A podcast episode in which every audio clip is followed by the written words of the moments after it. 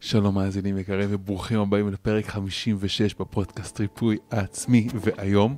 הבאתי אורח מיוחד. האורח הזה הוא גם המאמן האישי שלי לצלילה חופשית, הוא גם מאמן לנשימה, אה, למד אצל אה, מומחים גדולים מאוד בארצות הברית, אה, הוא מתמקצע בתחום הזה, קוראים לו תום פלט שהוא גם יוצא שייטת וגם איש מעורר השראה. היום הוא עובד עם, אה, עם אה, ספורטאים אלופי עולם, הוא עובד עם אה, יחידות מיוחדות והוא מדריך חברות גדולות במשק והוא מדריך גם באופן אישי אנשים שנמצאים במצבי קיצון, שבעצם הם חיים באורח חיים שמחייב אותם להיות במצבי קיצון רגשיים. ומה שאנחנו ממש לומדים בפרק הזה, זה איך באמצעות הנשימה שלנו אנחנו יכולים לייצר חוסן נפשי, להכניס את הגוף למצב של רגיעה ושל שקט נפשי. אה, אני חושב שזה באמת פרק חשוב עם כלים וידע מאוד חשובים, בכלל על תחום נשימה ובאופן ממוקד על החיים שלנו ועל הריפוי שלנו. לכן חשוב וקריטי מאוד לשמוע את הפרק הזה עד סופו, כי בסוף אנחנו גם נותנים כל מיני תרגילים אה, לשים לב אליהם. אה, חלק מהפרק גם דיברנו ממש על הגישה ההפוכה, ודרך אגב, הדברים שתום אמר ושיתף בפרק הזה הפתיעו אותי. כי הייתי בטוח שהדברים הפוכים לגמרי על הנשימה שלנו. אמ, אז אה, אני בטוח שאתם הולכים להתערם מהפרק הזה. ברור שאני אשמח לשמוע מה אתם חושבים על הפרק הזה בתגובות, מה הדבר הכי משמעותי שלקחתם, ואם יש אנשים יש אנשים שאתם חושבים שזה יכול לעזור להם, אז בטח שתפיצו ותעבירו את כל הטוב הזה הלאה. יאללה, נשים פתיח, נראה קצת, אה, אם אתם רואים את הוידאו הזה, נראה קצת כמה סרטונים של אה, צילה חופשית, שנוכל טיפה להבין ולהרגיש ביחד את העולם המדהים הזה. למרות שהפרק הזה הוא לא על צילה חופשית, הוא על אה, ממש רווחה נפשית וגופנית. ויאללה, נתחיל את הפרק. ברוכים הבאים לפודקאסט ריפוי עצמי, שיחות לרווחה נפשית וגופנית. מחקרים מראים שלגוף שלנו יש את היכולת לרפא את עצמו, אבל ריפוי הפך להיות משהו מסובך, קשה ותלותי מדי. עם הפודקאסט הזה אני מכוון להפוך ריפוי עצמי למשהו קל, פשוט ונגיש. ריפוי עצמי היא תוכנית שנותנת כלים, השראה וגישות חדשות על מנת לתמוך ולהגביר את היכולת הטבעית של הגוף ושל הנפש שלנו לרפא את עצמם. אני דן לוסטיג, המנחה של הפודקאסט הזה. לפני 11 שנים ריפאתי את עצמי מבעיה שהרופאים הגדירו כמחלה כרונית לכל החיים, ומאז יצאתי למסע של מחקר שבו גיליתי כלים ותובנות שאפשרו לי לרפא את עצמי בכל כך הרבה מובנים.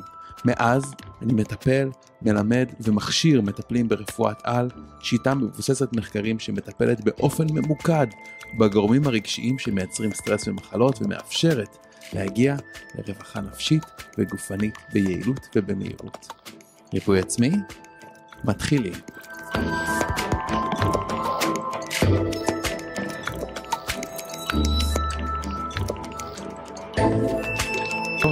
אהלן תום. אהלן, אהלן. אז אני אגיד שתום, אמ, אתה מורה, אתה המדריך שלי לצילה חופשית. כן. עזרת לי להגיע לעומקים הכי עמוקים שאי פעם הגעתי אליהם בחיי, אז תודה רבה לך על זה. איזה כיף. כן. היינו אמורים לצלול לבוקר, אבל אה, גם מזג האוויר וגם המזל לא עבד לטובתנו. אמ, אני אגיד לך אחד הדברים שאני הכי נעזר בך בהם, והסיבה שאני רציתי שתגיע לפה היום. אוקיי. אוקיי?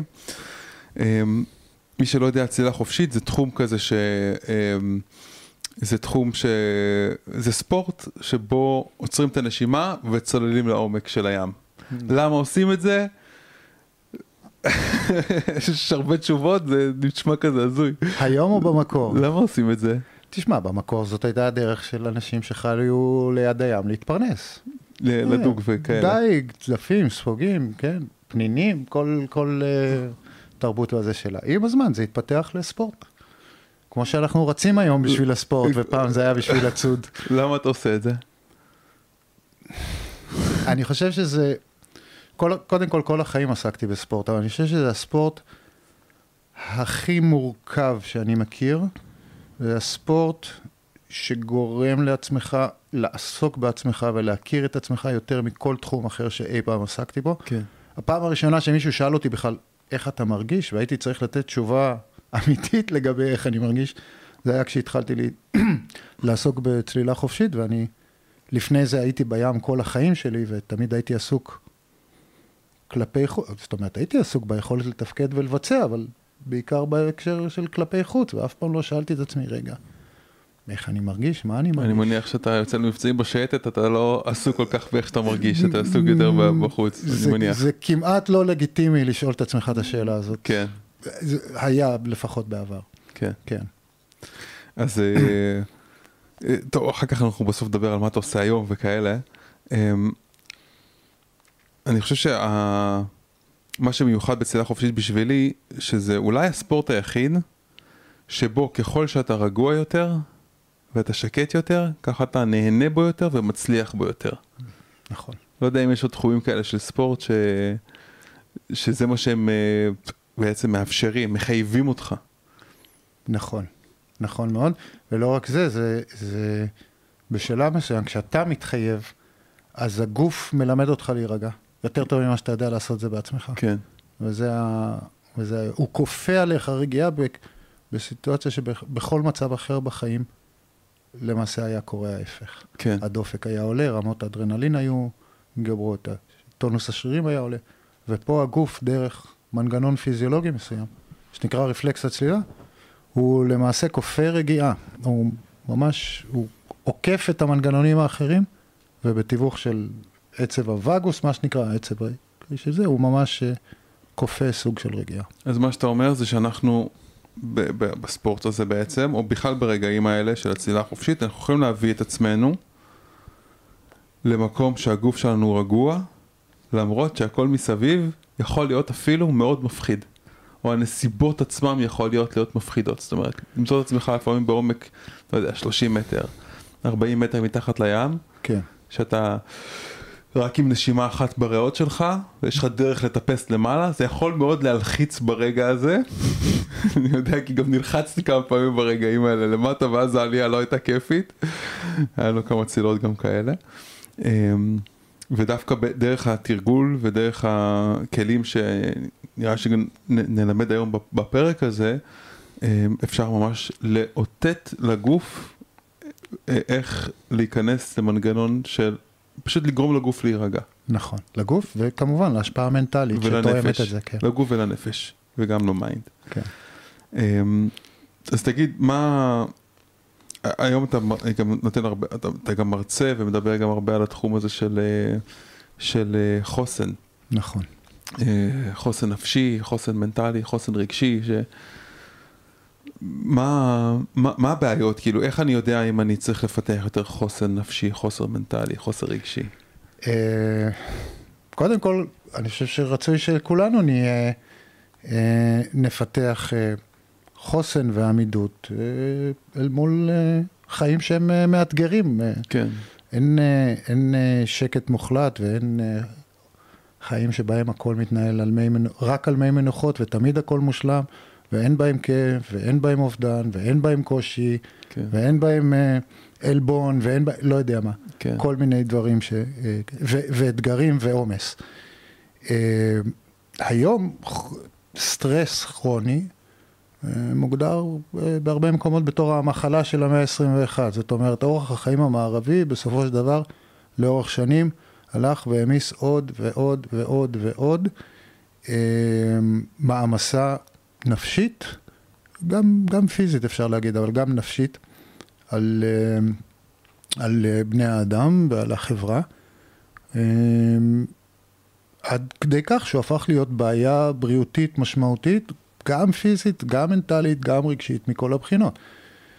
והיום זה הופך להיות מרכז תשומת הלב בהרבה מאוד מאוד תחומים, גם טיפוליים וגם אחרים. זאת אומרת, אני יכול להגיד, דיברנו על זה ממש קודם, שאם עד לפני, עד לפני שנתיים רוב הארגונים שפנו אליי, הנושא העיקרי שעניין אותם היה תפקוד מיטבי, פיק פרפורמנס, איך להביא את עצמי לתפקוד מקסימלי בסיטואציות תובעניות. היום הפנייה העיקרית היא בנושא חוסן. אנשים מבינים שאנשים שעובדים בארגונים האלה, שמתמודדים עם הקשיים, צריכים לעזור להם לבנות אורח חיים שמאפשר מצד אחד להתמודד עם האתגרים בצורה טובה, ומצד שני להישאר בריאים ומאוזנים. אל מול זה. ו... והיום זה אחד הנושאים העיקריים שאני עושה. זאת אומרת, כבר כמעט לא קורה שאני בא לאיזשהו מקום ועוסק רק בנושא פרפורמנס, כן. רק בנושא תפקוד. כבר כמעט תמיד מבקשים גם את הצד השני, וזה מצוין, כי אני חושב שזה שני דברים שהולכים ביחד. צריך להציג אותם ביחד, הם חייבים תמיד להיות שלובים אחד בשני. אני מבין. אוקיי, ואז איך, אה, אה, קודם הוצאת את הרשימה הזאת, בא לך כן. להקריא שנייה, שנדע אה, מה זה אומר, אוקיי, יש איזשהו, יש שאלונים סטנדרטיים באינטרנט של איך אני אדע ש... איך אני יודע שאני סובל מסטרס כרוני, כן. אבל זה יכול, קודם כל ב, ב, בהיבטים של, אה, אמ, אמ, של תפקוד אה, פיזי, אז אנחנו, או, או סימפטומים פיזיולוגיים, אז אנחנו פוגשים למשל שינה לא מספיק טובה, הפרעות שינה, או מעט מאוד שעות שינה, או כן. התעוררות בלילה, או שאני ישן אבל מתעורר עייף. אמ, דברים כמו כאבי ראש, דפיקות לב מואצות במהלך היום, הזעות יתר או איברים קרים מאוד במהלך היום, אה, תופעות של להתאכזב יותר מדי בקלות או בצורה קיצונית מדברים אה, פשוטים שלכאורה לא אמורים לגרור תגובה רגשית כל כך קיצונית, להתעצבן יותר מדי בקלות מדברים פעוטים שהם אה, קורים אה, במהלך היום-יום. אה, תגוב, בכלל, תגובות קיצוניות שהן מרגישות לא מותאמות ל, כן. לרמת הסיטואציה שאני פוגש, חוסר סבלנות קבוע, קשיי נשימה, פוגשים הרבה, אה, שבדרך כלל הולכים ומתגברים, הולכים ומתפתחים, הולכים ונהיים יותר אה, עצימים, אה, תחושה של יובש בפה, או צמא מאוד גדול במהלך היום, רוד- יובש בפה או בגרון. כן, נכון. ריריות, שהריריות מתייבשות. נכון. אה, הופעה של אה, רעידות פתאום במהלך היום, זה ממש סוג של פורקן של מערכת העצבים כשהיא מגיעה ל- לרוויה מסוימת. אה, מה עוד? התקפי חרדה, פאניקה, קושי, לא רק תגובה מוגזמת, אלא קושי יותר ארוך עד שאני מצליח להירגע בחזרה מהמם. ולחזור uh, לעצמי, תחושות של מתח ועצבנות. Uh, בעיות בריאות חוזרות ונשנות, כמובן, למשל, זה- אנשים זה שהם, הנושא של ה... אוקיי, כל הזמן מצוננים, או כל הזמן חולים בשפעת, אז כל הזמן יש איזשהו כאב. כרוני, גידולים בדיוק. גם, אפשר תמיד כאבים לקשר. כרוניים, בדיוק, דברים כאלה. זאת אומרת, כל הדברים האלה, ו- ועוד. כן. יכולים. אז דבר כולנו רוצים להיות במקום שיש לנו איזושהי נחת, יותר נחת בחיים שלנו, Mm. יותר מקום של, אה, שאני יודע, אנחנו קוראים לזה להיות פחות מושפע ולהיות יותר משפיע בחיים שלי. זאת אומרת, אה, מקום של חוסן. כן. יופי. אז איזה פתרונות היום אתה מכיר, או בוא, בוא, בוא תתחיל ב, ב, ב, ב, ב... איך אנחנו יכולים להגיע יותר למצב של רגיעה? כי אני יודע שאתה גם עובד עם ספורטאים אה, אלופי עולם, כן. אה, בתחום של הצלילה החופשית וגם בתחומים שונים. אה, ואתה גם עובד עם אה, אנשים ביחידות מובחרות אה, בצבא וגם עם חברות מובילות במשק וגם אתה מרצה לרופאים ומרצה באוניברסיטאות, אתה- אתה מרצה מלא למלא מלא סוגים של קהלים. הקהל שלנו פה זה יש פה גם אנשים שקצת דיברתי איתך עליהם כן אבל יש פה גם אנשים שמאוד רוצים לרפא את עצמם לרווחה נפשית ולרווחה גופנית יש פה מטפלים הרבה מטפלים יש פה גם חבר'ה צעירים שמרגישים קצת אבודים ורוצים למצוא יותר את השקט ואת הכיוון שלהם בחיים אה, זה כזה בגדול הקהל שמאזין לנו כרגע. כן. אז, אז אני אתחיל מלאכזב, ואני אומר שברוב הדברים אני לא הולך לחדש יותר מדי, או אהה. לגלות איזה קסם שהעולם לא יודע, זאת אומרת הבסיס תמיד היה ותמיד יישאר אותו דבר, ואלה הדברים החשובים. כן. הבסיס לחוסן בריאותי, נפשי, רגשי, תמיד היה ותמיד יהיה שינה טובה בלילה. אה, פעילות גופנית על בסיס קבוע, אין לנו שום סוג של טיפול או תרופה או תזונה או לא משנה מה שיכול להחליף את מה שפעילות גופנית תעשה כן. עבורנו. אה, תזונה טובה ונשימה תקינה וטובה. מהמם. אה, על הדבר הזה, היום נהוג מאוד להוסיף ניהול סטרס, שזה כמובן מאוד מאוד נכון, אבל אני יכול לומר שאם אתה עושה את ארבעת הדברים האלה כמו שצריך, אז כנראה שלך. שגם רמת הסטרס שלך היא, היא מנוהלת היטב, כי כל אחד ואחד מהאלמנטים האלה יש לו השפעה כן. על, על רמת הסטרס שאנחנו חווים. אלא אם כן אנחנו הולכים לקצוות. זאת אומרת, אוכלוסיות של אנשים בתפקידים מיוחדים, שבאמת חיים חיי... אה, חיים עם. הרבה מאוד מתח וצורך לתפקד ברמה מאוד גבוהה, או אנשים שחווים תקופה קשה, משברית, כן. כגון תהליך של אה, גירושין, אה, או, או, או, או משבר כלכלי, או כל מיני דברים כאלה, ואז צריך לתמוך קצת יותר בנושא הזה, כן. מעבר לרמת הבסיס. כן, מה, שאנחנו, מה שאני מלמד, המומחיות שלי דרך אגב, אתה מדבר בעיקר על, אה, על, על התנהלות ברמת הפעולות שאנחנו יכולים לעשות, המומחיות שלי היא לטפל בתת המודע, לאבחן את הגורמים הרגשיים, כי הרי בסופו של דבר אנרגיה, שאנחנו, אנרגיה של מתח, היא משתחזרת בחיים שלנו בגלל אירועים שחווינו ונצרבו אצלנו בזיכרון ואנחנו חיים אותם מחדש. אני יכול להעיד ולהגיד שבהחלט שמתי שאנחנו מסדרים את אורח החיים שלנו, רמת המתח בהחלט יכולה לרדת. אה, אז המומחיות שלי היא להיכנס לתוך תת המודע, לשלוף את החוויות האלה ולשחרר את האנרגיה הרגשית הכלואה, אבל לא בזה עוסק הפרק היום. הפרק אבל, היום אבל עוסק... אתה מאוד צודק, זאת אומרת, אנחנו מסתכלים על המערכת משני צדדים, אבל אנחנו כן. רואים אותם דברים. זאת אומרת, אני בעיקר מסתכל על מערכת העצב, העצבים כן. האוטונומית, ואני רואה את התהליך הפיזיולוגי, ואתה כן. רואה את התהליך הרגשי כן, אה, ב- יותר, אבל, אבל אני. עובד הרבה מאוד עם, עם אה, אנשים שסובלים מפוסט טראומה, למשל, כן. ו- ואנחנו פוגשים בדיוק את אותם דפוסים, כמו כן. שאנחנו אומרים, אתה יכול לגעת בתהליך הזה ב- כן. מנקודות שונות. יפה. אז אוקיי. אז, אז, אה, אז אמרת יפה מאוד שהמערכת שלנו אוהבת סוג של הסדרה. כן. אוקיי? זאת אומרת, אוהבת שיש איזה סדר. עכשיו, זה לא אומר שאני חייב לחיות חיי שגרה אה, קבועים, כל יום חייב לראות אותו דבר, כל דבר. אבל יש היבטים מסוימים במערכת העצבים שלנו, בעיקר מערכת העצבים האוטונומית, שהם אוהבים, שהם, שהם, שהם מוסדרים. למשל, אם אני הולך לישון ו... באותה שעה וקם באותה שעה, זה מאוד מאוד עוזר לגוף שלי להסתנכרן. כן. כי התהליך של הרדמות והתהליך של התעוררות בבוקר, זה, הגוף צריך לעשות שורה של דברים, תהליכים כן. הורמונליים ופיזיולוגיים שצריכים לקרות בשביל שאני אצליח להעיר את עצמי בבוקר, כן. אוקיי? אז אם זה קורה באותה שעה, הגוף יודע איך להתחיל את התהליך הזה בזמן, לסיים אותו בזמן, ואתה מתעורר ערני ו, כן. ו, אה, ובתחושה אה, מלאת אנרגיה. וזה גם משפיע עליך מנטלית, כן. אוקיי? וכשהתהליך הזה לא קורה, אז אנחנו פוגשים את הסיפור הזה של בן אדם שאומר, קמתי אבל עוד לא התעוררתי. כן. אוקיי? אה, מה זה אומר? זה אומר שפיזית אתה מערכת- כבר התחלת לתפקד, המערכת העצבים שלך עדיין לא... העצבים שלך עדיין לא הצטרפה לסיפור, כי היא עוד עסוקה ב- בלבצע את התהליך של ההתעוררות. כן. אותו דבר לגבי תזונה. אה, זאת אומרת, אם זה, זה לא חייב להיות לאכול כל יום בדיוק באותה שעה, אבל אם זה פחות או יותר מסודר, אז הגוף יש לו לוח זמנים. וכך עם כל, עם כל דבר אחר. וגם נשימה, כשהיא נשימה פונקציונלית תקינה, היא פחות או יותר סדירה, וכיוון שהנשימה היא הקשר הישיר למערכת העצבים האוטונומית שלנו, מהמם. ולהשפעה עליו, אז יש המון תהליכי של הסדרה אה, שניתן לעשות באמצעות נשימה, ואז אנחנו באמת יכולים להביא איכויות גם של תפקוד גבוה יותר וגם טיפוליות לפעמים, כשצריך. או, אז על זה אני רוצה שנדבר היום. אוקיי. כי אני יודע שפה זה גם הכוח המיוחד שלך. אוקיי, לפחות אחד מה- מתחומי ההתמחות שלך. נכון.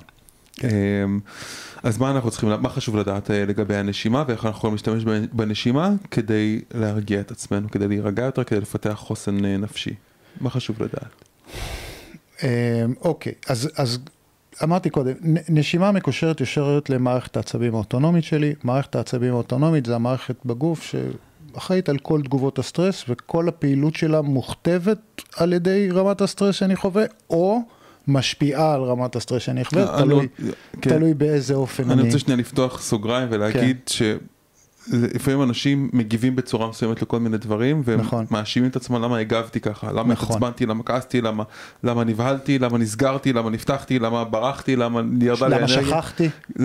ו, ומה שחשוב להבין זה בגלל שלא בחרת, כי יש לך מוח הרבה יותר מהיר שהמוח המ- הרבה יותר מהיר הזה ממך זאת המערכת העצבים האוטונומית, זאת נכון. אומרת, זה, זה, זה, זה התגובה ההישרדותית המיידית, זאת המערכת שאחראית על ההישרדות של הגוף שלנו ועל ההמשכיות של הגנים שלנו. זאת אומרת, זאת מערכת שאנחנו לא נמצאים בבחירה שם לפני שהיא פועלת, היא פועלת בצורה אוטומטית על סמך התכתיבים שלה, שחלקם מולדים וגנטיים וחלקם נרכשים על ידי חוויות החיים שלנו. נכון מאוד. וזה משהו שחשוב להבין, כי יש בתוכנו חיה שחיה ומגיבה ישר לכל מיני גירויים בעולם, וזה יכול להיות אחד הגורמים המשמעותיים לסטרס ולסטרס כרוני בתוך החיים שלנו. נגיד שקרתה הקורונה, כשהתחילה הקורונה, אז הייתה בהלה המונית וכאילו כולנו נלחצנו ישר וכולנו נכנסנו למצב של פאניקה ושל חרדה נכון. מתמשכת נכון. מאויב בלתי נראה. נכון. אה, זאת אה, אומרת, ו- הפכנו את הסטרס האקוטי, את האירוע, למצב מתמשך. כן. וזה הבעיה. ואז זה גם משפיע על הגוף ומשפיע על הפיזיולוגיה של הגוף, כי כשהגוף בסטרס בעצם הוא מכלה משאבים, הוא, הוא מפעיל מנגנונים, הוא, הוא נשחק בעצם. נכון, נכון. זאת אומרת, התגובה שאתה דיברת עליה מקורה באמיגדלה, מה שנקרא במוח, במרכז של העצבים, אבל כשרמת הסטרס קופצת משמעותית, זאת אומרת שתגובת הסטרס, התגובה הסימפתטית של מערכת העצבים האוטונומית, אמ, עולה לרמה מאוד קיצונית, אנחנו, אנחנו מגדירים את זה כתגובות fight or flight, מה שנקרא. כן, ותגובת fight or flight, אחד הדברים שהיא עושה זה לנתק את המוח. כן. באופן מודע. סליחה. סליחה, באופן לא מודע. אתה אבל נהיה מטומטם. אתה ממש הופך למטומטם. זאת אומרת, התפקיד של המערכת הזאת, או אחד המנגנונים שלה, זה להפנות 100% משאבים לשרירים, כן, fight or flight, ולפעול במהירות. כן, תהליכי מחשבה גוזלים משאבים ולוקחים זמן. כן. אז היא מנתקת את האונה הקדמית של המוח, את החלק שבו אנחנו שוקלים, שוקלים שיקולים, מקבלים החלטות. חושבים לעתיד, נכון. וחוזים השלכות של הפעולות שלי, למשל, כן. או דברים שאני עומד להגיד, או דברים כאלה.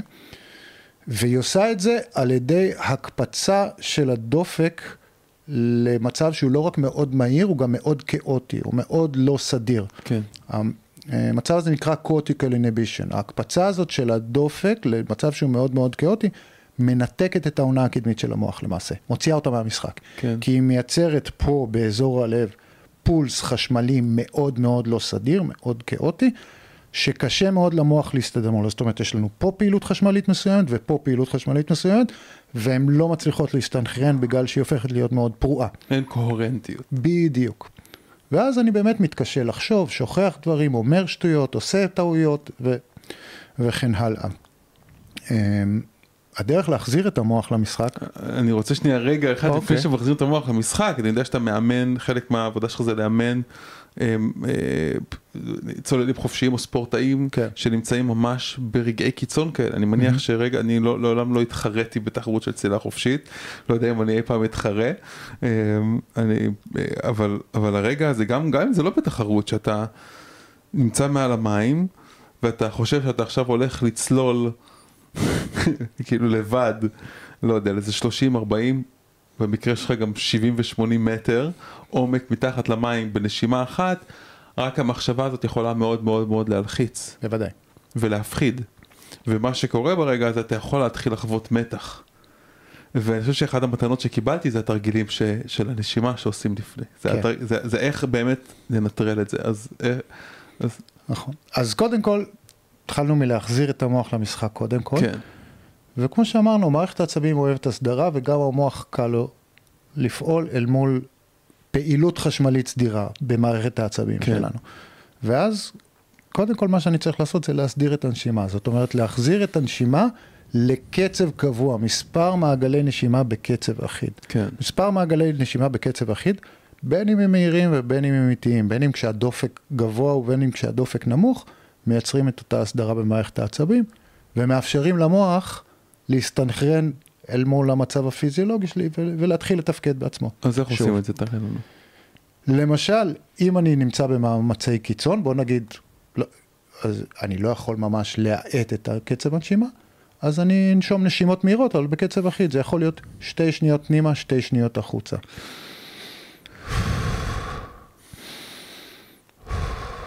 אוקיי? אם המטרה שלי מעבר לזה היא גם להרגיע, היא לא רק לתפקד, אז אני אנסה להאט את קצב הנשימה. כן. ככל שאני אצליח להאריך את מעגל הנשימה, כך אני מייצר תגובה אה, רגועה יותר של מערכת העצבים. זאת אומרת, למשל חמש שניות פנימה, דרך האף,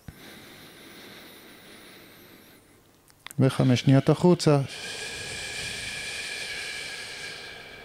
דרך האף או דרך הפה, כבר משדרים או כבר מייצרים איזושהי תגובת רוגע, אוקיי? Mm-hmm. אז זה הפרמטר הראשון. ראיתי פעם גם איזשהו צילום, אה, אה, לא יודע אם זה היה רנטגן או שזה היה אה, אה, אולטרסאונד, שממש מראים את הריאות, את הלב בין הריאות, mm-hmm. ומראים איך שמתי שהריאות מתמלאות, הלב, הם, הדופק עולה. הן משפיעות על הדופק. נכון. כשהריאות מתמלאות, אז כי הלב הוא ממש בין הריאות, וכשהריאות מתמלאות, הן משפיעות על הדופק של הלב, כי הדופק והריאות הם מסונכרנים באיזשהו, נכ, באיזשהו נכון. מקצב. ו... זאת אומרת, הדופק שלנו הוא לא באמת סדיר, אף פעם. כן. אוקיי? זאת אומרת, גם אם אני אומר לך עכשיו, הדופק הוא 60 פעימות בדקה, כן. זה 60 בממוצע. אבל הדופק, זאת אומרת, אנחנו לא יכולים לשלוט, או לפחות זה הרבה יותר, מצריך הרבה יותר רמה של מאסטריות גבוהה כדי להוריד את הדופק שלנו. נכון. לא כל בן אדם יכול, רוב האנשים לא יכולים לשלוט בדופק שלהם. לא באופן ישיר. אבל בנשימה אנחנו כן. נכון, ולכן כשאני מאט את קצב הנשימה, אז אני גם מאט את הדופק. אוקיי. וכשהדופק מועט, וגם לחץ הדם יורד קצת, אז אני מתחיל לייצר תגובה שהיא אה, רגועה יותר. זאת אומרת, אני קצת מנמיך את התגובה הסימפתטית, מה שנקרא, של מערכת העצבים האוטונומית, וקצת אה, מעביר יותר משאבים למערכת הפרסימפתטית, מערכת הרגיעה כן. אה, של הגוף. והדבר השלישי והאחרון שאמרת, וזה באמת נכון מאוד, זה שהדופק עולה בשאיפה, כלומר זה, זאת הפעולה שבונה אנרגיה בגוף, והוא יורד בנשיפה. כשאני נושף החוצה, בגלל שאני נותן יותר מקום ללב לבצע פעימה יותר גדולה, אז הוא יכול להאט את הקצב. אוקיי, okay, זה לא ידעתי. כן. זאת אומרת, כשאני אה, ממלא את הריאות באוויר, הן למעשה סוגרות על הלב. על מנת לפצות על אובדן הנפח, הוא חייב להתחיל לפעום יותר מהר. אוקיי. Okay. אוקיי? Okay? כשאני נושף, ואני פותח לו את המקום, והוא מסוגל לבצע פעולה מלאה של התרחבות ו... והתכווצות, אז הוא יכול להאט את הקצב ועדיין אה, אה, לדחוף אותה, אותה כמות דם אה, החוצה. ולכן השאיפה מעלה דופק והנשיפה מורידה דופק. Mm-hmm. השאיפה, ככל שאני אדגיש אותה יותר, תעלה את רמת הסטרס או את הפעילות הסימפתטית, והנשיפה היא זאת שיש לה את האיכות להרגיע. אז בסיטואציות שבה אני מנסה להרגיע, למשל במצב של לחץ קיצוני או סטרס או משהו כזה, אני רוצה דווקא להדגיש את הנשיפה החוצה ולא את השאיפה פנימה. Mm-hmm. ואז אני יכול לעשות במקום, למשל, חמש שניות פנימה, חמש שניות החוצה, כמו שעשינו לפני שתי דקות, אני יכול לנשום בקצב אחיד וקבוע, שבו הנשיפה תהיה ארוכה יותר. למשל, ארבע שניות פנימה ושש שניות החוצה. או ארבע פנימה, שמונה החוצה, או חמש, עשר, לא משנה. כל פעולה שבה אני שואף בצורה איטית, עדינה ורגועה, אבל נושף נשיפה ארוכה יותר החוצה, היא מאוד מאוד תרגיע אותי, מאוד מאוד אה, תנחית אותי. למשל, ארבע פנימה, שש החוצה יהיה דרך האף, תמיד רצוי לשאוף, אני עושה והחוצה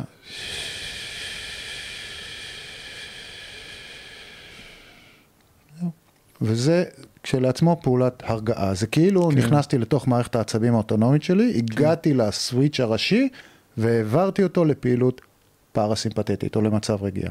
כל יונק בטבע עושה את זה, אפשר לראות כלב כשהוא הולך לישון, זה מה שהוא עושה. Okay?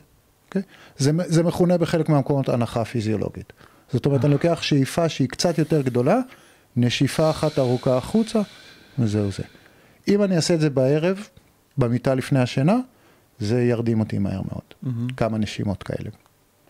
אם אני אעשה את זה במצב שבו אני נמצא בלחץ מאוד גדול, זה לא ירדים אותי, אבל זה כן ינמיך את רמת הסטרס שאני חווה וירגיע אותי mm-hmm. מאוד. אמ, אנחנו גם עושים את זה מספר פעמים ביום באופן טבעי, כשאנחנו לא מודעים לזה. Mm-hmm. זאת אומרת, אם ה... תסתכל על עצמך, או הצופים או המאזינים, תסתכלו על עצמם פעם באה כשלא יודע מה, אתה עושה משהו במטבח, ואז אתה ניגש לסלון ומתיישב על הספה, אוקיי? במשך 40 שניות עד דקה, הנשימה תלך ותסדיר את עצמה לאט לאט, ואז פתאום אחרי איזה 40 שניות ככה, או משהו כזה, באמת זה מה שיקרה, יקרה פתאום כזה מין באופן טבעי. זאת אומרת, התיישבת, הגוף כן. בוחן מה קורה פה, הוא מסנכרן הכל, ואז הוא אומר, אה, אנחנו נחים עכשיו? אתה רק מדבר אוקיי. על הנשימה הזאת ואני מרגיש רגיע. בדיוק. הוא אומר, אה, נחים עכשיו? אוקיי, מעביר סוויץ' לפעילות פרסימפטית, ועכשיו מתחיל לעבוד עם הגוף תחת המערכת אז הפרסימפטית. זה ממש יכול להיות הסוויץ'. נכון. שזה מה שאומר, מה שהוא עושה עכשיו, זה למעשה מפנה משאבים לכל מה שלא קיבל הזדמנות עד עכשיו. כן. המערכת החיסונית שלנו, עיכול מזון, ויסות הורמונלי. כן. אה, אה, ריפוי רקמות. ריפוי רקמות, עצמות, שרירים, גידים, רצועות, בדיוק, כל הדברים האלה. ריריות. ריריות, בוודאי. בדיוק, כל זה, ו- ודרך אגב, גם הטמעה של חומר שניסיתי ללמוד, או טקסט, אם אני למשל סטודנט, או משהו כזה, או, או טכניקה לאחרי, לאחר אימון, כל הדברים האלה קורים תחת המעטה הפרסימפטי. זאת אומרת, בשינה לא, או במנוחה. רק בשינה או במנוחה. אני משתפר, אני מתחזק, אני גדל, רק בשינה או במנוחה, ובאורח חיים שבו המערכת הפרסימפטית לא מקבלת מספיק הזדמנויות לעשות את זה, אז אני הולך ונחלש ולא הולך ומתחזק. אה, אני גם אגיד מצב הפוך, שבו אם יש אנשים שהמערכת הפרסימפטית שלהם, זאת אומרת, אין מספיק מתח בכלל בחיים שלהם. נכון, זאת גם בעיה, נכון. כי סטרס זה דבר טוב בחיים, מתי שהוא מגיע קצוב, שיש לו התחלה ושיש לו סוף. ובאמצעות באמצעות המנגנון הזה שלימדת אותנו עכשיו, אנחנו יכולים לשים סוף לנקודה של נכון הסטרס. מאוד. זאת אומרת, אני, אני לא חושב שיש, צריכה להיות שאיפה של חיים נטולי אתגר, או כן. קושי. ממש לא. זאת אומרת, אנחנו גם שומעים בחדשות פעם בכמה זמן, זה הבן אדם שבגיל 40 היה מנכ"ל, מצליח והיה לו הכל, עזב הכל ונסע ל, למקדש בהימאליה ועבר לחיות חיים. כן. אה, בסדר, אחלה, זאת אומרת, זו גם בחירה לגיטימית. באופן אישי, אבל זאת גם זה- התפתחות כלשהי. נכון, יש מצב שזה אני- גם שם מוצא אתגר אחר, אבל. לגמרי, אבל אני באמת יותר עוסק עם האנשים שממשיכים להתמודד עם הקושי עם החיים, עם זה, זה אבל, אבל צריך, צריך ללמוד איך לעשות את זה בצורה כן. כן. שהיא באמת מאוזנת ובריאה. כן. ו- וזה הקושי וזה האתגר היום ב- בהרבה מאוד... אה, מעולה. אז יש מקומות. הרבה גישות של נשימה, שאני יודע שדיברנו עליהן קודם, ודווקא כן הייתי חושב, אה, יש, כי יש כל מיני נשימות, אני יודע שיש הרבה אנשים שמתרגלים ווים אוף, נכון. יש הרבה אנשים שמתרגלים כל מיני טכניקות נשימה שונות, אה, והייתי מאוד רוצה לשמוע את הפרספקטיבה הזאת, את הפרספקטיבה שלך על זה. אני יודע שגם אתה חוקר את התחום הזה של נשימה כבר הרבה שנים, וגם כן. למדת אצל, איך קוראים לדוקטור שלך? פטריק מקיואן? פטריק מקיואן, נכון, אה, דוקטור פטריק מקיואן, לא? כן. כן.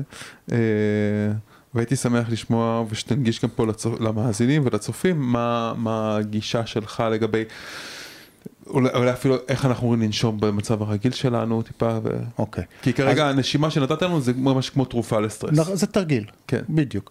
אז באמת יש, יש שני, שני, אה, שתי שכבות לנושא הזה של נשימה. אחת, התרגילים, הדברים שאתה יכול להשתמש בהם אד הוק, שהמטרה שלהם להשיג מטרה מסוימת, אוקיי? צורת אימון מסוימת. אז זה למשל תרגיל של נשימה מרגיע, באותה מידה יכול להיות תרגיל של נשימה שהוא יותר מאזן, או יותר מעורר, או תרגיל נשימה שהמטרה שלו היא לחזק את שרירי הנשימה, או להשפיע על יציבה, לא משנה, יש תרגילי נשימה. נגיד תרגיל נשימה מעורר זה כאילו הפוך ממה שאתה אמרת, נכון, שזה... אם אני נושם נשימה מהירה וחזקה, דווקא אל בית החזה העליון ולא אל השרפת, לא עמוק למטה, יהיה לזה אפקט הרבה יותר מעורר. אוקיי, שאולי הנשיפה תהיה ארוכה יותר והנשיפה... השאיפה פנימה צריכה להיות חזקה יותר. ו... ארוכה יותר? כן, ובעיקר גבוהה למעלה פה באזור בית החזה, אוקיי. ואז יהיה, יהיה לזה אפקט מעורר. אוקיי, אמ, למשל, דוגמה, אפשר, ובכל דבר כמובן יש גם הרבה וריאציות. כן. אז זה עולם תרגילי הנשימה. ב... מתחת לזה, בעומק, בשכבה העמוקה יותר של כן. הבסיס, יש באמת את הנושא של צורת הנשימה הכרונית. איך הייתי רוצה שבן אדם ינשום לאורך רוב שעות היום וגם בשינה. כן. וזה מאוד מאוד חשוב, כי תרגילי נשימה אתה תעשה חמש דקות ביום, עשר דקות ביום, ארבע פעמים בשבוע. אז, אבל אז שנייה לפני שאתה מדבר על האידיאל, איך שזה אמור אוקיי. להיראות, בוא תן לנו שנייה אחת, אה, אולי ניתן רגע הזדמנות שנייה אחת להתבונן פשוט עכשיו למצב כרגע של הנשימה שלנו, במצב הרגיל שלנו. כן. מה, למה חשוב לשים לב? אוקיי, אז מה שאמור להיות בצורה בריאה, פונקציונלית, תקינה במהלך רוב היום, הנשימה קודם כל צריכה להיות מאוד שקטה ומאוד עדינה, אוקיי? והיא צריכה להתבצע רק דרך האף, פנימה והחוצה, ולהפעיל רק את השרעפת או רק את הבטן בתור שריר הנשימה הפועל. בית החזה פה החלק הגבוה העליון, הנה רואים אותי במצלמה, לא אמור לעבוד כשאני נושם במצב רגיע. Mm-hmm. זאת אומרת, אם אני רואה את זה, במהלך היום בסיטואציה רגילה, זו פעולה שלא אמורה להתרחש. מה כן. שאמור לקרות זה פעולה מאוד עדינה של השרפת מתחת לכלוב הצלעות. צריך להגיד, גם פה נמצא החלק החשוב של הריאות. נמוך למטה, בעומק בית החזה, ולא פה, באזור הזה. כן, בוא רק נסביר, כאילו, אתה מדבר על הקו של הצלעות התחתון. נכון, נכון. איפה שהשרפת. השרפת שלי נמצאת מתחת לכלוב הצלעות, והיא שריר בצורת uh, כיפה, כן. כזה. כשאני שואף היא מתכווצת והיא יורדת למטה, והיא מותחת איתה את הריאות כלפי מטה. וכשאני נושף, שזו פעולה פסיבית, מרפא. היא פשוט מרפה את עצמה וחוזרת למצב הזה, ואז הריאות מתכווצות. למצב הכעור שלה. נכון. אז נשימה תקינה, בריאה, צריכה להתרחש רק פה, בתחתית הבטן, והיא צריכה להיות כמעט לא מורגשת, כמעט לא נראית. זאת אומרת, כל מי שיש לו ילדים וראה תינוק ישן, ראה איך זה מתרחש. כן. זאת אומרת, תנועה מאוד מאוד קטנה ועדינה של השרפת, לא יותר מזה. מדי פעם תצא נשימה אחת קצת יותר גדולה, זה בסדר, ברור. Mm-hmm. הגוף מגיב, מבצע תהליכים מסוימים. רמת המאמץ מתגברת, או ההתרגשות, ברור שהנשימה תשתנה ביחד איתה. אבל במהלך רוב היום והלילה, כשאנחנו ישנים, כך זה אמור להיות. אצל רוב האנשים זה לא לגמרי ככה היום.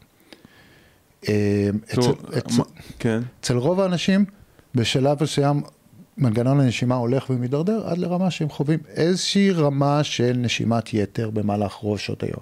זאת אומרת, יותר נשימות ביום, קצת יותר נפח, החלפת אוויר יותר גדולה, יותר ויותר נשימות במהלך היום מתבצעות דרך הפה במקום דרך האף, ועם הזמן גם מנגנון הנשימה הולך להידרדר ומתחילות להיות לזה גם השפעות בריאותיות פחות טובות.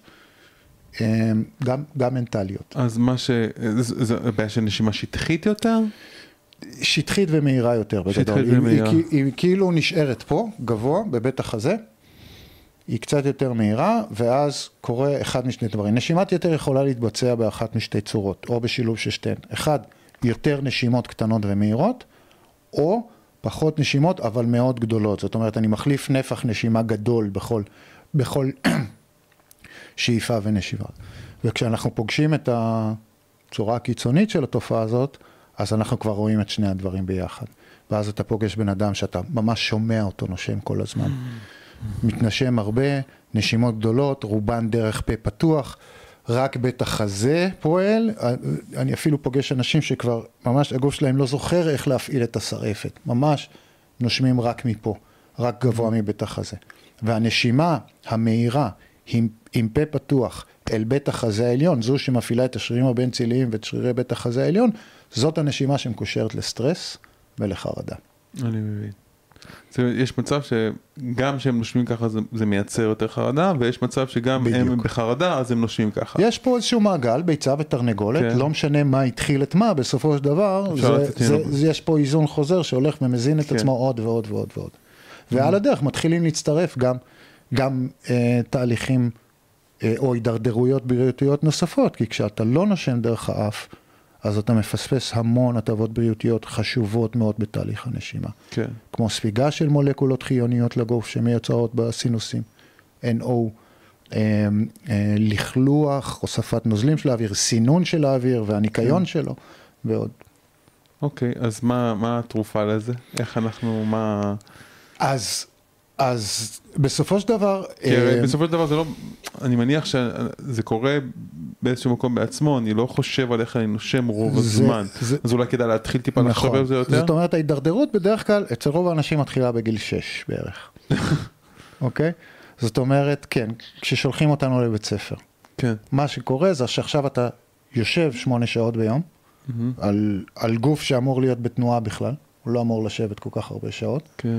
אה, אתה רובץ ממש עם כל המשקל שלך על הריאות והשרעפת, קצת נועל אותם, אז אין לך את, ה, את המקום לבצע את התנועה הנכונה, אז אתה צריך להפעיל יותר מאמץ, אוקיי? בנוסף לזה תוסיף את העובדה שהילד קטן והמורה גבוה, אז הוא מסתכל עליו כלפי מעלה ומפעיל לחץ על כל עצבי הנשימה שיוצאים מפה מה, מהצוואר, מהעורף, בדיוק, חוליות C3, 4 ו-5.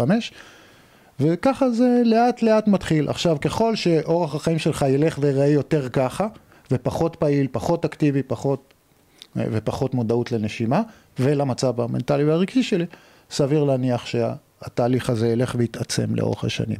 מהמם. ואז אה, צריך להתחיל לעבוד אה, בת- בתהליכים הפוכים. זאת אומרת, ל- ל- להזכיר לגוף ולהתחיל להרגיל אותו לעבוד מחדש בצורה הנכונה. אה, ובדרך כלל אחד הדברים שצריך להתרגל לעשות, זה לחזור להתרגל לרמות קצת יותר גבוהות של CO2, קצת יותר גבוהות של פחמן דו-חמצני בריאות ובמחזור הדם, ולהפסיק כל הזמן להחליף, להפסיק כל הזמן את ההתנשמות הזאת. כן. כי הגוף מווסת נשימה על סמך רגישות ל-CO2. כן. הוא מרגיש את הריכוז של המולקולה הזאת במחזור הדם, הוא למעשה מרגיש חומציות של דם, כן. וכשרמת החומציות עולה, אז הוא יודע שהוא צריך להתנשם קצת יותר בשביל לאזן אותה בחזרה למטה. כן. וכשהיא, זאת אומרת שה-PH עולה, כשה, כי זה מבסיס. אה, כשה-pH יורד ורמת החומציות עולה. כן. אוקיי, זה ה-CO2 הוא הפוך. לא הוא לא בסיסי, הוא לא מבסיס? לא, ה-CO2 הוא, מחמ- הוא, הוא הופך את הדם לחומצי. אה, אוקיי. אוקיי? וכשאני שוטף אותו, כשאני מנקה אותו, כמו בפרקטיקות של היפרוונטילציה, אז אני הופך את הדם למאוד בסיסי. כן.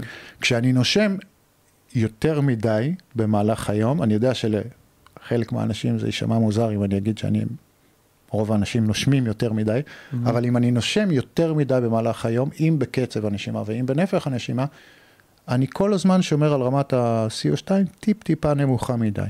והדם הוא קצת בסיסי מדי. כן. ואז קורים שני דברים. אחד, ספיגת החמצן שלי נפגעת. אני רק אסביר שנייה את החוויה הזאת שמתי ש-CO2 עולה, אני מרגיש כמו חנק שאני חייב אוויר. אתה מרגיש צורך לנשום. כן. נכון, רעב לנשימה, רעב כן. לאוויר. נכון. וכשהוא... אמ, כשאני שוטף אותו, כשהוא יורד, אז, אז אני מרגיש את ההפך. כאילו אין לי צורך לנשום. אמ, ואני במרכאות שוכח. אז מה הפרקטיקה פה? מה... אז הפרקטיקה בסופו של דבר צריכה להיות מבוססת קודם כל איזושהי תוכנית אימון, זה לא משהו שיקרה בחצי שעה, כן. אמ, שבה אני לאט לאט מתרגל להחליף פחות אוויר פר פרק זמן מסוים זאת בריאות. אומרת לנשום לאט יותר? לנשום עמוק יותר למטה אל הבטן, בנפח קטן יותר ובקצב קצת יותר איטי ורגוע. אוקיי. אוקיי. אז אם הייתי מוציא את זה עכשיו לפעולה לעשות, כדי מהמם. שהם יוכלו כבר להתחיל להכניס את הדבר הזה לתוך החיים ממש, מהמם. מה שהייתי עושה, מי שמזהה שהנשימה שלו טיפה יותר שטחית, טיפה יותר מהירה במהלך היום, אמ, יותר נשימות דרך הפה. עכשיו הייתי ממליץ לכם עכשיו לשים שעון מעורר שלוש פעמים ביום, אולי בוקר, צהריים וערב, ואם אפילו לנשום עם סימן קריאה, או לנשום עם איזה משהו, עם איזה אימוג'י מעניין שיזכיר לכם עכשיו, טיפה להאט את קצב הנשימה ולהעמיק את הנשימה. נכון, זאת ולנשום דרך האף ולהשתמש בבטן ולא בבית החזה. זאת אומרת, המצב שצריך, אנחנו אמורים להיות בו, הוא מצב שכמעט אי אפשר לראות אותנו נושמים, ובאמת, ובעיקר אי אפשר לשמוע אותנו נושמים. מהמם. אוקיי? ואני נושם דרך האף, תנועה עדינה ושקטה של הבטן, וכשאני במצב נינוח ורגוע, מעגל הנשימה שלי, אני, מה שאני אמור לראות זה שאיפה קלה פנימה, נשיפה קטנה החוצה, ועצירה לפני השאיפה הבאה. עצירה קטנה. במצב של מאוד מאוד נינוח ורגוע, יש עציר, יש, קודם כל יש עצירות בתוך, בתוך מעגל נשימה טבעי ורגיל. יש הבדל גדול מאוד בין עצירה פה, בסוף שאיפה, כשהריאות שלי מלאות, זה בדרך כלל יהיה מקושר לאיזשהו סוג של אקשן או מתח, לבין נשיפה, אה, עצירה שמתבצעת בסוף הנשיפה. שהריקות ריאות. שהריאות הן אף פעם לא לגמרי ריאות, אבל כן. כן, בסוף הנשיפה, וזה דווקא מעיד על מצב רוגע ונינוחות. אז אם אני מתבונן על עצמי והנשימה שלי נראית פחות או יותר ככה, שאיפות קטנות, קטנות ועדינות דרך האף אל הבטן, עצירות קטנות בסוף הנשיפה, זה בסדר. וזה, במצב מנוחה כמובן אני מדבר. מהמם. אם אני יושב במצב מנוחה ואני מרגיש שאני לא מצליח לנשום ככה לאורך זמן, אני מנסה ואחרי חצי דקה או 40 שניות או דקה פתאום מתחיל להתעורר בי רעב לאוויר, אוקיי? אם אני מגלה שאין אצלי עצירות בסוף הנשיפה, אם אני מגלה שאני פ... משתלט עליי הצורך פתאום לקחת נשימה גדולה או לשאוף יותר מהר דרך הפה או משהו כזה, סימן שהנשימה שלי היא לא בדיוק שם, היא, היא, היא לא במצב מאוזן, היא מבחינה, היא לא תקינה פונקציונלית. אז מה צריך קצת לעשות? רגישות במקרה יותר. אז פה, ב, ב, אני תלוי, הייתי- אני הייתי תלוי ממליץ- כמה... אני הייתי ממליץ לבוא ולטפל בגורמים הרגשיים שמייצרים את ה- את ה- את הקושי. אוקיי. מה אז- אתה היית ממליץ? אז, אז כל הכבישים הם דו-סטריים. כן. אמ, אני, אני תמיד מתחיל מהפיזיולוגיה ואז הולך לכיוונים השניים. כן. אז אני מתחיל מנשימה, אני מתחיל מלבנות תרגילי נשימה, שהמטרה שלהם זה באמת לייצר נשימה פונקציונלית תקינה. קודם כל, לנשום לאט דרך האף במצב כזה, וליצור לה, אה, אה, תחושה קבועה של רעב קל לאוויר, כאילו בא לי לנשום יותר, אוקיי? אבל שאני יכול לשהות בה כמה דקות, שתי דקות. לצורך העניין, אוקיי? ואז אני אנוח, ואז אני אעשה עוד שתי דקות כאלה, ואז אני אנוח. לאט סבילות לאט, ל-CO2. בדיוק, אני משנה את הרגישות שלי ל-CO2, אני, אני מחייל את הרגשים מחדש, כי מדובר בסופו של דבר ברגשים שנקראים כימורצפטורים, בעורקים שלי דווקא, ולא בוורידים, שהם רגשי ה-CO2 שלי, כן. גם במוח וגם בעורקים, ואני בסך הכל צריך לחייל אותם מחדש בשביל ליצור... אה, התוצאה של הדבר הזה תהיה ההשפעה החיובית של ספיגת דם יותר תקינה. ד- ה-CO2 הוא מאוד מאוד חשוב, מלמדים אותנו בבית ספר שזה איזשהו סוג של. חומר זבל שאנחנו אמורים להיפטר ממנו. זה כל כך לא נכון. CO2 הוא דיילטור, הוא מרחיב. הוא כן. מרחיב את הסימפונות ומעברי האוויר ב, אה, בריאות ובקנה הנשימה ואל הסינוסים ולכל הריריות ב- במחזור הנשימה שלי. והוא מרחיב כלי דם. והוא מרחיב את כלי הדם במוח וברקמות. והוא אה, מאפשר ספיגת חמצן טובה יותר, כי הוא מחזק את מה שנקרא בור אפקט והלדן אפקט. לא משנה, שני, שני אפקטים פיזיולוגיים שמאפשרים גם נשיאת חמצן יותר טובה על ידי אדם וגם ספיגת חמצן יותר טובה על ידי אדם. ומאוד מאוד חשוב ש, שנתרגל לחייל בחזרה את הרגשים שלנו ל- לרמת CO2 שהיא קצת יותר גבוהה, רמת חומציות קצת יותר גבוהה של אדם, דרך אגב, גם משפרת את החיסוניות שלי, כי, כי הגוף פה. שלנו מתמודד בדיוק עם חיידקים ומזהמים, במידה רבה. באמצעות, למרות באמצעות שהרבה חומציות. הרבה אנשים מדברים על בסיסיות, על להבסיס את הגוף. אני חושב שכבר. לא, היה רעיון כזה, הוא, הוא, הוא די. בדיוק, בדיוק. אה, עוד פעם, אנחנו, אנחנו מוזנים בצורה מאוד מדויקת. אני לא באמת כן. יכול לשנות את רמת החומציות שלי בצורה קיצונית, לא לכאן ולא לכאן. זה אולי על, אוקיי? כאילו על ה-0.01. בדיוק, 0.734, משהו כזה. כן. אז, אז חומצי מדי מסוכן, בסיסי מדי מסוכן, חומצי מדי אני חולה, בסיסי מדי אני חולה. כן. באחת משתי הקיצוניות. הדרך שלי היחידה להשפיע על רמת החומציות של אדם היא דרך נשימה. הבנתי. מה שאני מתכוון שכבר לא, אז עד לפני כמה שנים היו כל מיני רעיונות של תזונה בסיסית, לאכול מזונות בסיסיים שלא מעלים רמת חומציות, אבל אין לזה באמת השפעה על, על רמת החומציות של אדם, בסופו של דבר. זה אולי רמת החומציות במערכת העיכול. בדיוק, ומערכת העיכול היא חומצית בצורה קיצונית, הקיבה. הרבה יותר מאדם, בוודאי. בוודאי. שהיא אמורה להיות ככה. נכון, נכון. כן. אוקיי, אז אה, מה שבעצם אני שומע פה זה מצב שאולי הגוף שלנו יתרג... לא יכול לספוג שנייה אחת של, אה, של, אה, של טיפה שעולה רמת ה-CO2, זאת אומרת הוא לא יכול לספוג טיפה של חנק, הוא לא יכול לספוג טיפה של חוסר נוחות, כמו או מאמץ. שזה מזכיר לנו כאילו את המקום הזה שכאילו החיים הפכו להיות מקום הרבה יותר מדי נוח. ואנחנו לא אמורים לחיות חיים שהם הרבה יותר מדי נוחים וטיפה להכניס את עצמנו למקום שנייה אחת של טיפה עולה רמת ה-CO2 ואז הגוף מפעיל את, מנג... את המנגנונים שלו שיכולים לספוג יותר טוב את החמצן בדם ויכולים להוליך יותר טוב את, ה... את הדם ואת החמצן ובכלל את ה... את ה... לעשות חילוף חומרים טוב יותר בגוף שלנו.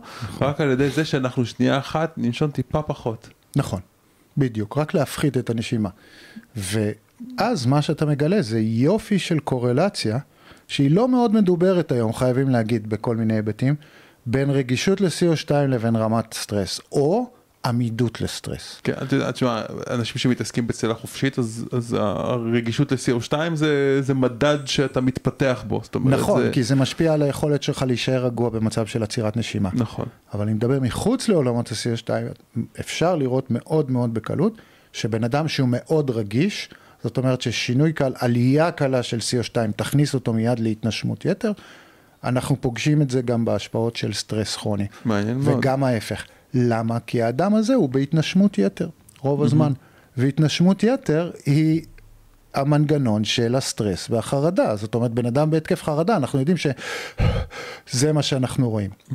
אז אם אני יותר רגעים במהלך היום נושם בכבדות או מהר עם פה פתוח, מערכת העצבים שלי יותר מקושרת כל הזמן כן. דרך הנשימה למצבי סטרס. שזה לא במצבים שבהם אני עושה כושר או, או קרדיו לא, או, לא, או זה פעילות בסדר. גופנית. דרך אגב, אנשים שאני עובד איתם, אני- אחד הדברים שאנחנו לומדים לעשות או מתאמנים בהם, זה לבצע קרדיו בנשימה דרך האף.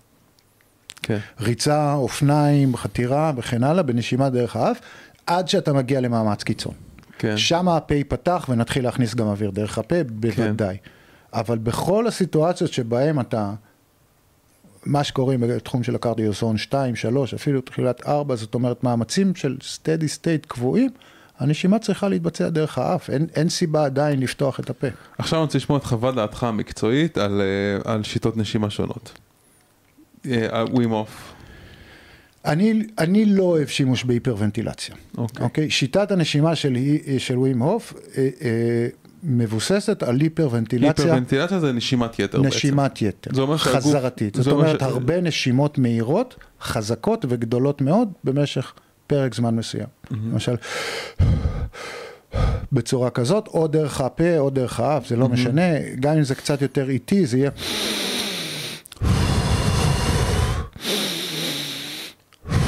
שומעים את כן. זה בטח במיקרופון כן, אה, חזק. חזק מאוד. ומה שמייצר זה שטיפה של ה-CO2, זאת אומרת אוורור יתר של הריאות.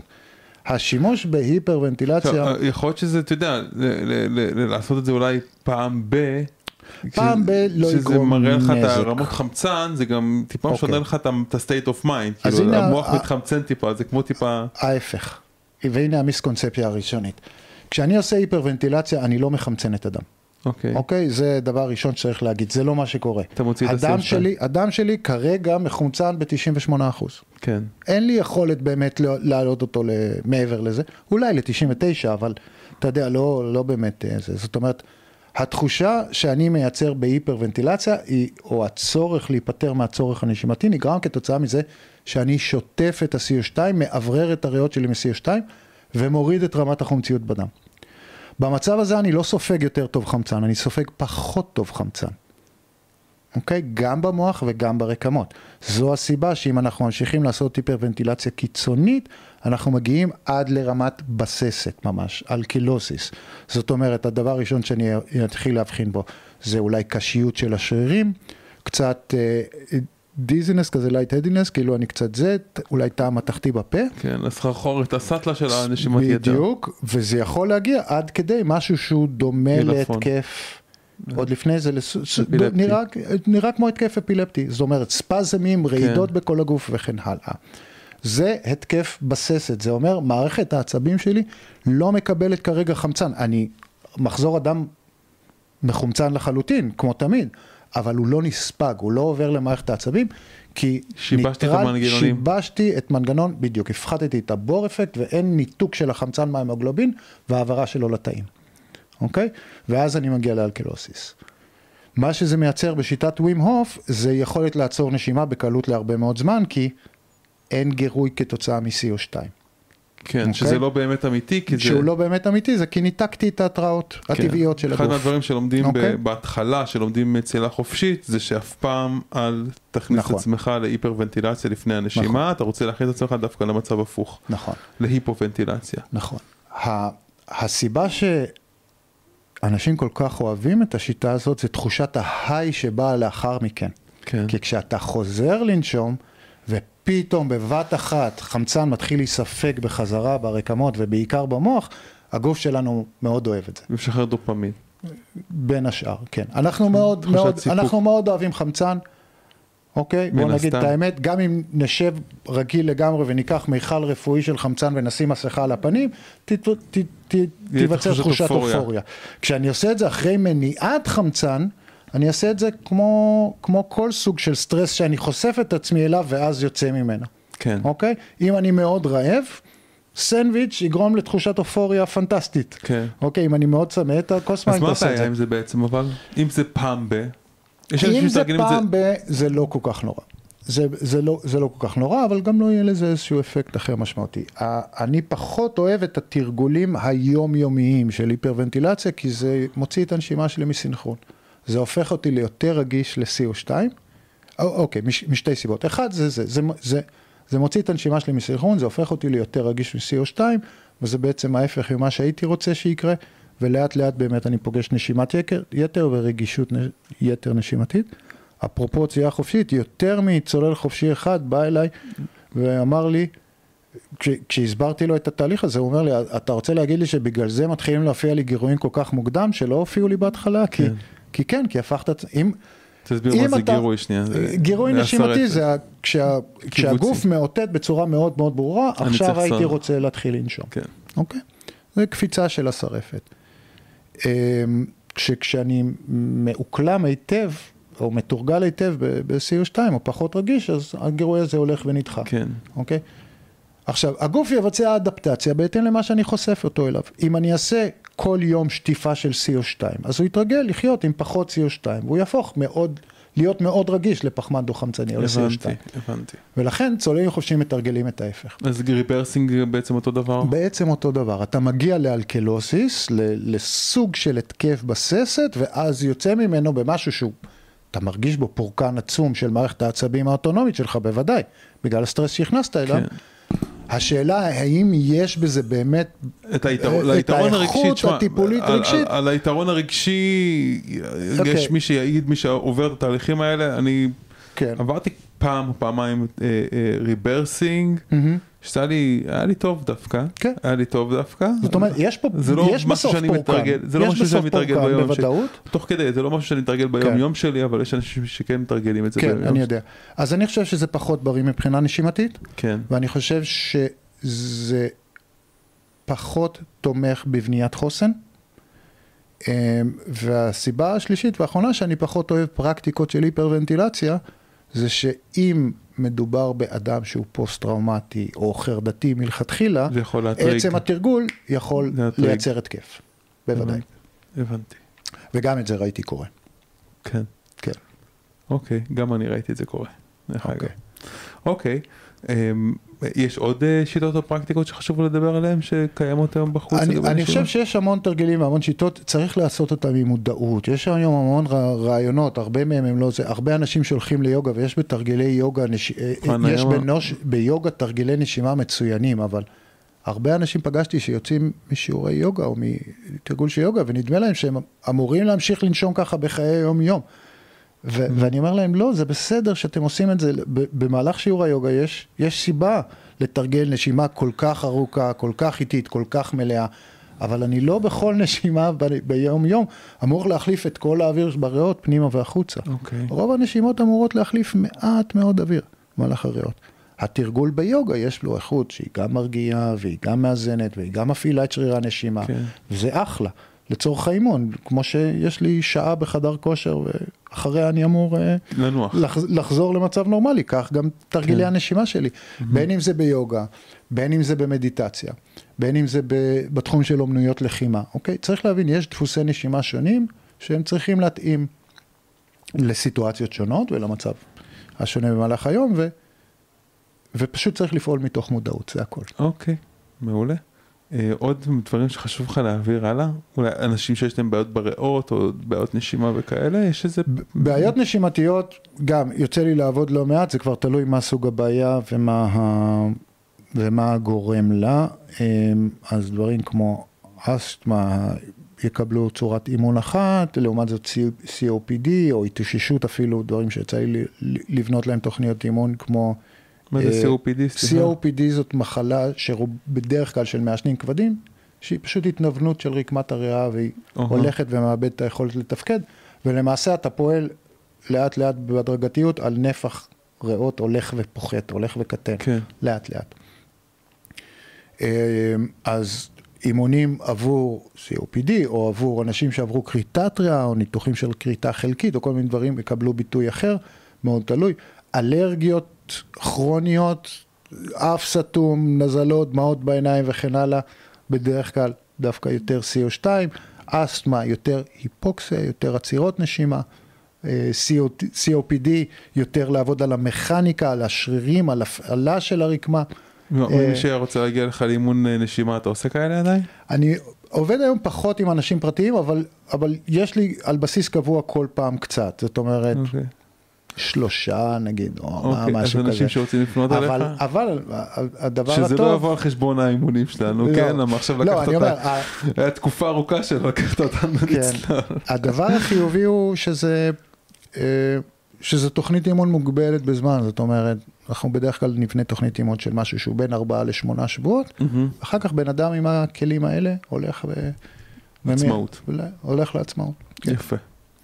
יפה, אז מי שיפנות, אפשר לשים את הפרטים שלך פה מתחת? כן, אני תמיד שמח לענות, גם אם אני לא יכול לעזור, אני, אני משתדל. אה, יפה, מסר לסיום? אה, להיות, להפנות מודעות לנשימה ולהתחיל לעבוד עליה, זה ככלי אקוטי, הוא נמצא שם תמיד, והוא בחינם. וכ...